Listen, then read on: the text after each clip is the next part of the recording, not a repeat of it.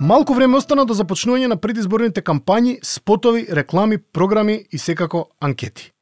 Испитувањата на јавно мислење зазема централен дел во предизборната трка и како изборите наближуваат, така зачестуваат објавите на различни центри, институти, фирми, невладини организации и партиски аналитички штабови.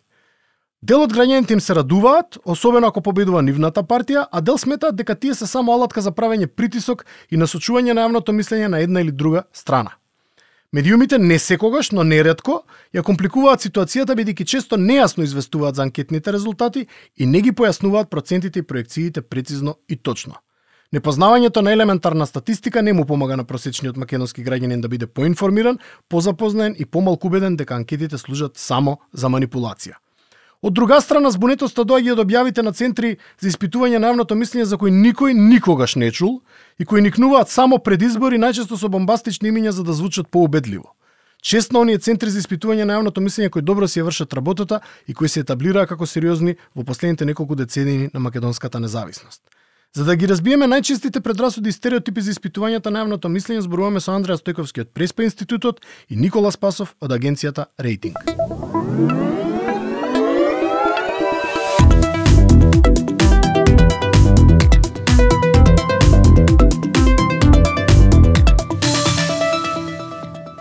Се ближат двојни избори, председателски парламентарни, па сега поактуелни ке стануваат испитувањата на јавно мислење, популарно наречени анкети, кои ни кажуваат кој води, кој губи, каква ќе биде разликата меѓу партиите и кандидатите за председател, кој колку пратеници во која изборна единица ќе освои така натаму.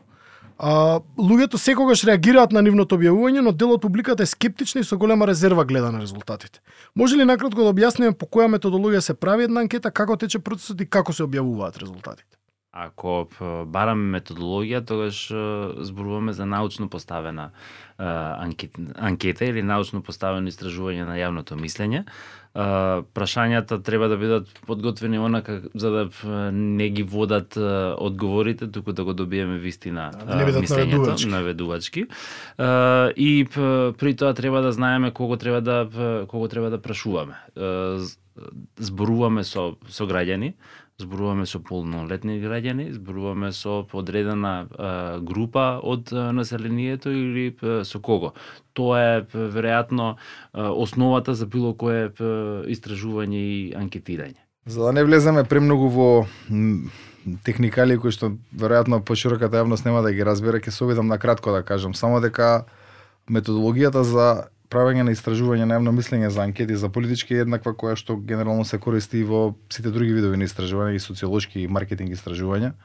А тоа е избор на репрезентативен пример кој што ќе биде фракција, практично сегмент кој што го представува целиот народ, односно сите граѓани на таа држава кој што или тој таргетиран дел од државата кој што сакаме да го да го истражиме. Практично тој треба да го отсликува да биде еден мал дел да од 1000 испитаници, најчесто кој што реално по сите демографски карактеристики еднаков на сите на, на практично на демографската структура на државата, односно еднаков број на мажи и жени, етничка распределеност, географска добра дистрибуција, по место на живење, односно село или град и така натаму, оние параметри кои што се битни да да да да ги да ги имаме за да кажеме дека овој пример го отсликува реалната структура на населението во државата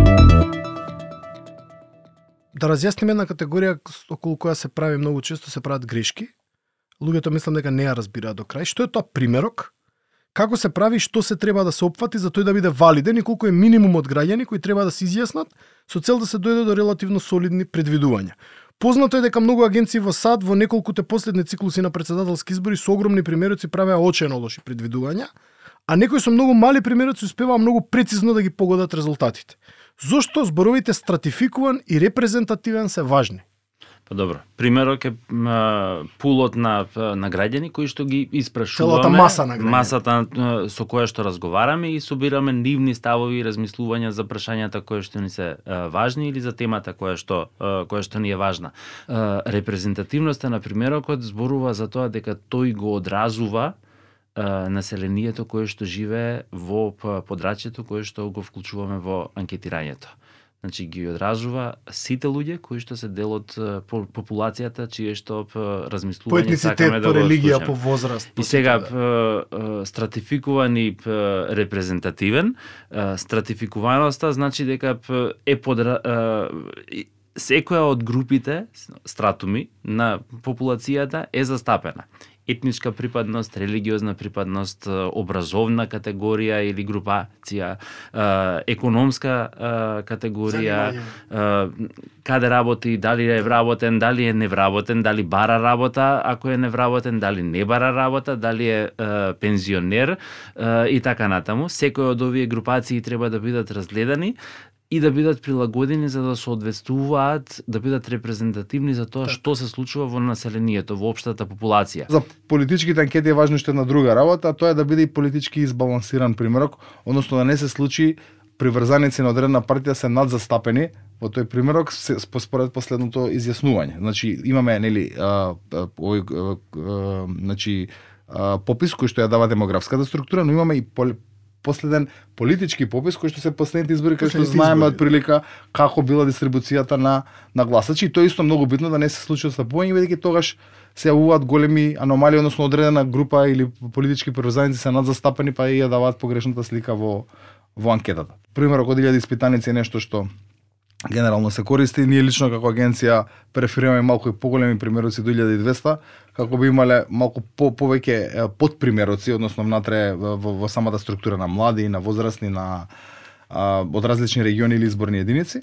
И конкретно за изборите она што е битно е дека е многу битно да е репрезентативен по изборни единици, затоа што на крај крајва дистрибуцијата на пратениците што е конечна цел на нели на на изборите е да биде е по изборни единици, не секоја изборна единица дава а, одреден број на, на пратеници или 20. Зошто е потешко да се предвидат изборните резултати на помалите партии? Мислам дека ова често да збунува јавноста и кај помалите партии секогаш резултатите се многу попроблематични, кај партии кои немаат толку масовна поддршка. Може ли да објасниме што е тоа маргинална грешка и како тоа влијае на проекциите кои се прават за оно што реално го добиваме како резултат на изборите? Маргина грешка означува можноста за одстапки од утврдената од утврдениот резултат, ако можеме така да го наречеме, добиениот број на испитаници кои што одговориле на одреден начин на одредено прашање. И сега вообичаено оперираме со маргина на грешка од плюс минус 3%. 3% таа е, да. Зависи зависи меѓутоа зависи од тоа колкав е примерокот. Да. Ако зборуваме за примерок од илјада испитаници, тогаш маргината на грешка е 3 запирка 0,33. Така. А ако зборуваме за испи, примерок од 750 испитаници, тогаш маргината на грешка е 3,5.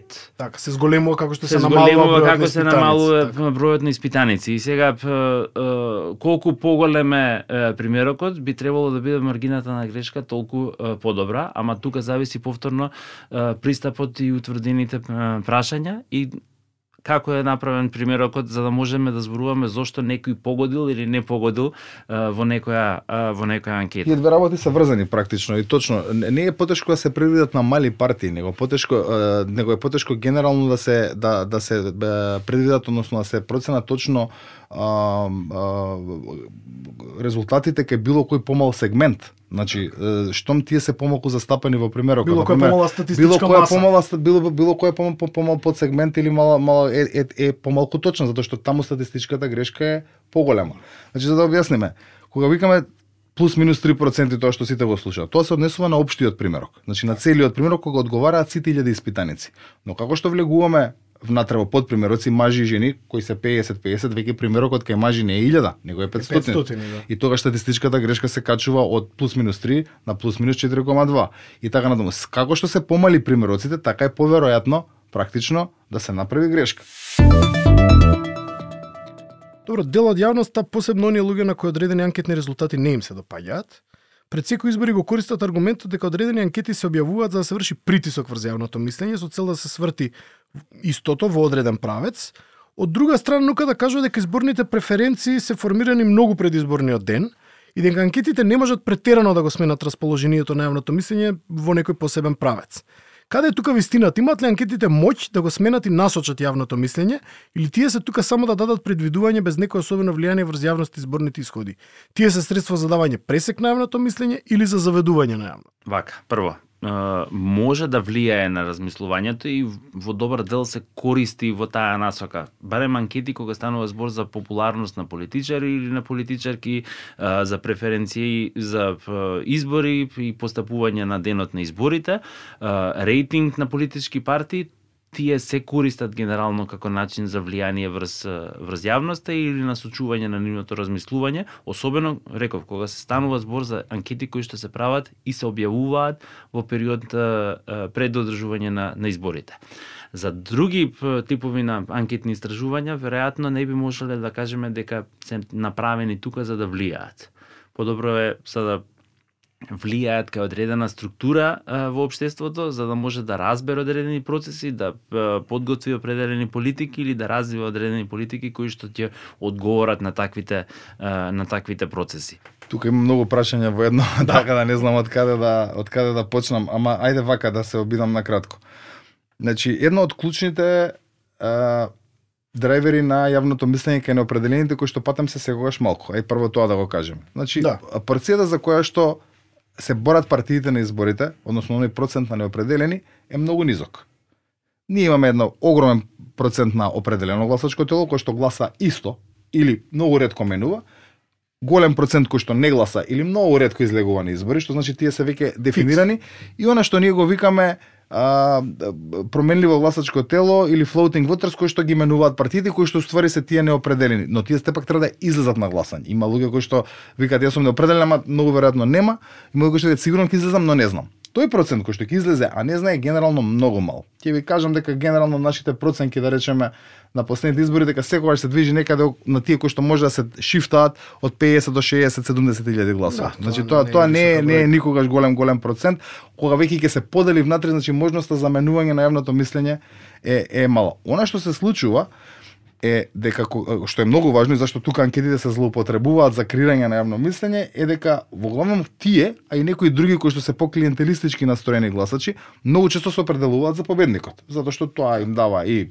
прво сака да гласат за победникот, тој така наречен бендвагон ефект кога одат со масата, а второ тоа може да биде од лични причини кои што едноставно потоа им носат некаква лична предојавка едно многу сензитивно прашање како да разликуваме сериозни од сензационалистички центри за испитување од јавно, на јавното мислење.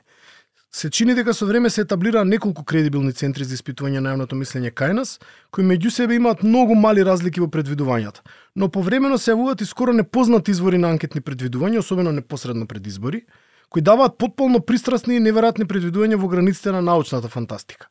Кому јавноста да му верува и како да се заштити од овој тип на манипулации? Како просечниот граѓанин да препознае кредибилни од некредибилни извори на информации? многу тешко и притоа не станува збор само за изворот на информациите, значи за спроведувачот на анкетата, а, ниту за нарачателот, ниту пак за по кој што ќе ги анализира податоците.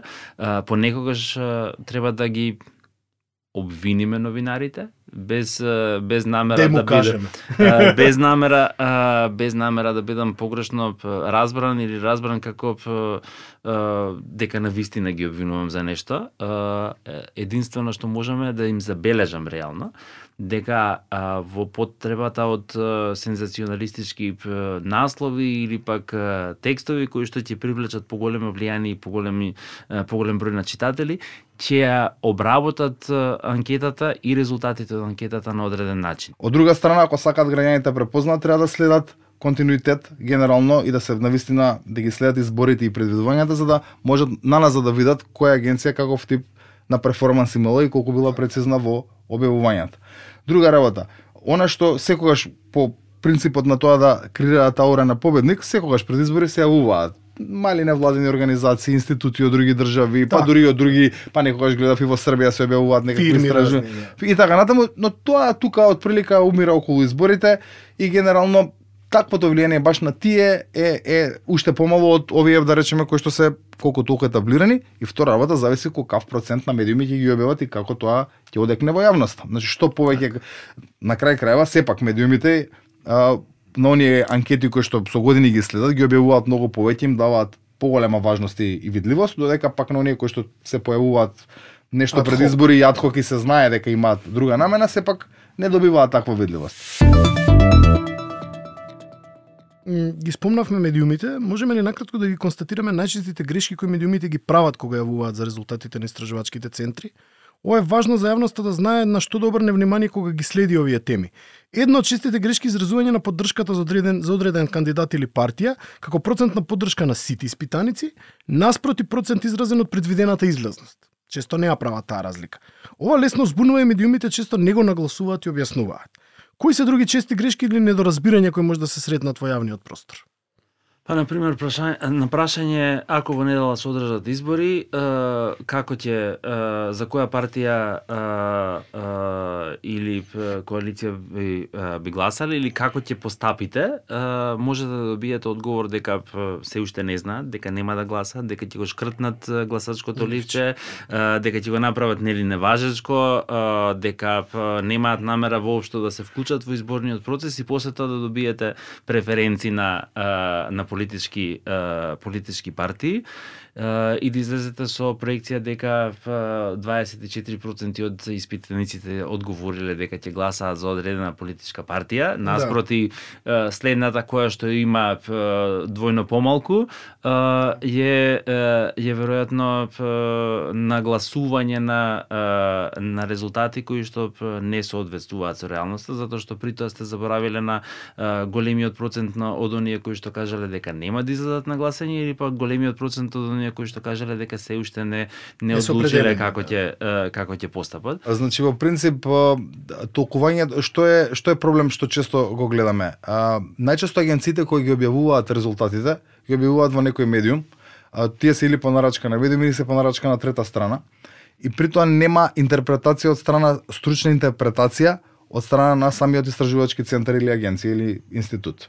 И тогаш се остава значи се даваат суви податоци кои што се остават како што кажав предходно на некомпетентни луѓе да ги да ги Интерпретираат. И тогаш многу често гледаме дека се случува интерпретација на многу различни начини согласно можеби и интересот на одреден медиум или група кој што, или поединец кој што сака тоа да го гледа низ различна призма. Мислам дека праксата на објавување на истражувања не може да биде само лепење во некој портал, него треба секогаш да биде предмет на некаква си отворена дебата или презентација од страна на оние кои што ја спровеле, кои што може да одговорат на сите медиуми на отворените прашања, бидејќи јас ги разбирам новинарите дека не можат сите да бидат експерти за јавно мислење. Статистика. И за да после тоа едноставно се донесе се, се, има некаква унифицира унифицирана представеност од страна на оној кој што стои зад тие податоци. Тука е клучниот проблем. Инаку во однос на она што вака можеме да го видиме, да, се случува многу често лошо се групираат на пример ликартовите скали, има целосно согласон, главно согласон, па ги читаат само едниот, да речеме, екстремниот сегмент. А, се случува да ова што што го кажувате вие да практично поддршката за а, одредени политичари или лидери се гледа само сака кога сака да манипулираат и ги извадат само од сигурни гласачи, по тој процент е многу поголем, а тоа реално не е така дури да И така создава. Добро за крај, теренски или телефонски анкети или може би онлайн? И зошто? А, се зависи од она што сакате да го постигнете, од бројот на а, испитаници кои што сакате да ги клучите, од а, а, типот на прашања кои што сакате да ги поставите или од типот на истражување. А, во случај со експериментални истражувања во обштествени науки би преферирал тоа да биде а, онлайн или пак во живо. Ако зборуваме за обична анкета во која што поставувате прашања, испитаниците треба да одговорат со кратки одговори, тогаш веројатно може да одиме со со телефонско истражување. Не би не би се ослонил премногу на а, а, онлайн истражување затоа што п, тука има многу голема потреба од контрола на примерот Да, кој што слаба е го контрола, правите. тоа сакам да го кажам. да. А, меѓутоа а, а, и, и на телефонот е потешко да се направи контрола, меѓутоа барем ако ништо друго имате глас кој што го слушате од другата страна и во такви услови а, за истражувачки центри е поскапо, меѓутоа е, е далеку поверодостојно ако анкетата е направена теренски, затоа што испитувачот, анкетарот и испитаникот седат на маса, се гледаат и одговараат, односно го поставува, ги поставуваат и одговараат на прашањата. Тоа му дава на анкетарот можност да го следи испитаникот и да види каква е неговата реакција. Па јас сега ќе зборувам за нашата држава, за Македонија. Ние сме, а, јас ќе го кажам и мојот префериран метод, иако можеби колегите, голем дел од колегите нема да се сложат. А, теренските анкети во главном се а, географски најпрецизни може да се дистрибуираат. Значи кога се прави дистрибуцијата на, на примерокот, вие сте сигурни дека сите луѓе кои што живеат имаш еднаква шанса се вика тоа да се учествуваат, да, да, да, да, да учествуваат во тоа истражување. Значи оние кои што немаат телефони или немаат интернет пристап, автоматски надвор од теренска анкета се се исклучуваат, но со теренска анкета и тие имаат можност да учествуваат. Македонија е територијално мала држава и имаме простор и лесно се прави теренска анкета, односно лесно се собираат успоредба со било која друга поголема држава каде што таквата а, операција логистички е многу покомплицирана. Но со соодветна методологија и со соодветно знаење на добро пондерирање на примерокот по тоа, има некои агенции малку се, но да речем институти што знаат да го прават и со телефонска анкета може да се дојде до релативно прецизни прецизни информации, значи ние ја- и ја користиме, ние не отфрлам, но да речеме за политички истражувања јас преферирам лично а, теренски анкети само такви правиме, многу ретко се правиме и а, и телефонски, што се однесува до а, онлайн истражувањата, они во главном функционираат на панели, значи има поголемите држави има онлайн достапни кои што каде што луѓето се пријавуваат и оттаму им стигаат. Во Македонија за жал имаше неколку два панели со многу малку луѓе, со по 5000 и тоа е како да кажам, веќе стварно мал примерок или мал универс од кај што ние ги, ги, ги, ги влечеш и јас на тоа а, не се ослонувам, инако- иако од неодамна соработувам со не од неодамна, него од, од поодамна соработувам со една британска агенција кои што работат све онлайн, но работат ни светот и добиваат исклучително квалитетни податоци. Баш гледав и за политички анализи и баш се чудев колку е тоа реално блиску до, но тогаш станува збор за огромни примероци од 300 милиони луѓе, големи панели со по илјадници луѓе кои што можат они реално да структурираат добар добар пример. Кај нас не е тоа се уште по мене по мене на тоа ниво затоа што едноставно сме малку. Испитувањата на јавно мислење се оној дел од кампањата кој најмногу сакаме да го мразиме. Од една страна сите на кои не им се допаѓаат резултатите на одредени агенции веднаш ќе побрзаат да ги прогласат за манипулација, но со несмалена желба ќе ги исчекуваат нивните следни објави со надеж дека политичката клима ќе се сврти во посакуваниот правец. Од друга страна, партиските центри често манипулираат преку фантомски агенции и институти кои се за една употреба и некако инстантно ги снемува по изборите, а објавуваат сензационалистички резултати. Има и трета страна, а таа е дека медиумите често внесуваат забуна преку неточно или нецелосно интерпретирање на резултатите на испитувањата од јавното мислење. Затоа е важно да се познава барем елементарна статистика, но и основните категории преку кои овие испитувања на јавното мислење функционираат. Примерок, маргинална грешка, проекции, трендови се само мал дел од категориите кои мора да ги запознаеме ако сакаме правилно да ги разбереме резултатите кои центрите и агенциите за јавно мислење ги објавуваат. Се надевам дека барем дел од овие мистериозни поими разјаснивме денес. Со оглед дека овие испитувања зависат токму од граѓаните, немојте да ја спуштате слушалката кога некој ќе ви каже јас само да прашам. Одговорете ако можете. Ве моли вашиот аудио домаќин на овој подкаст Ненад Марковиќ. Добре дојдовте во новата 2024 подкастовска година, наша втора сезона.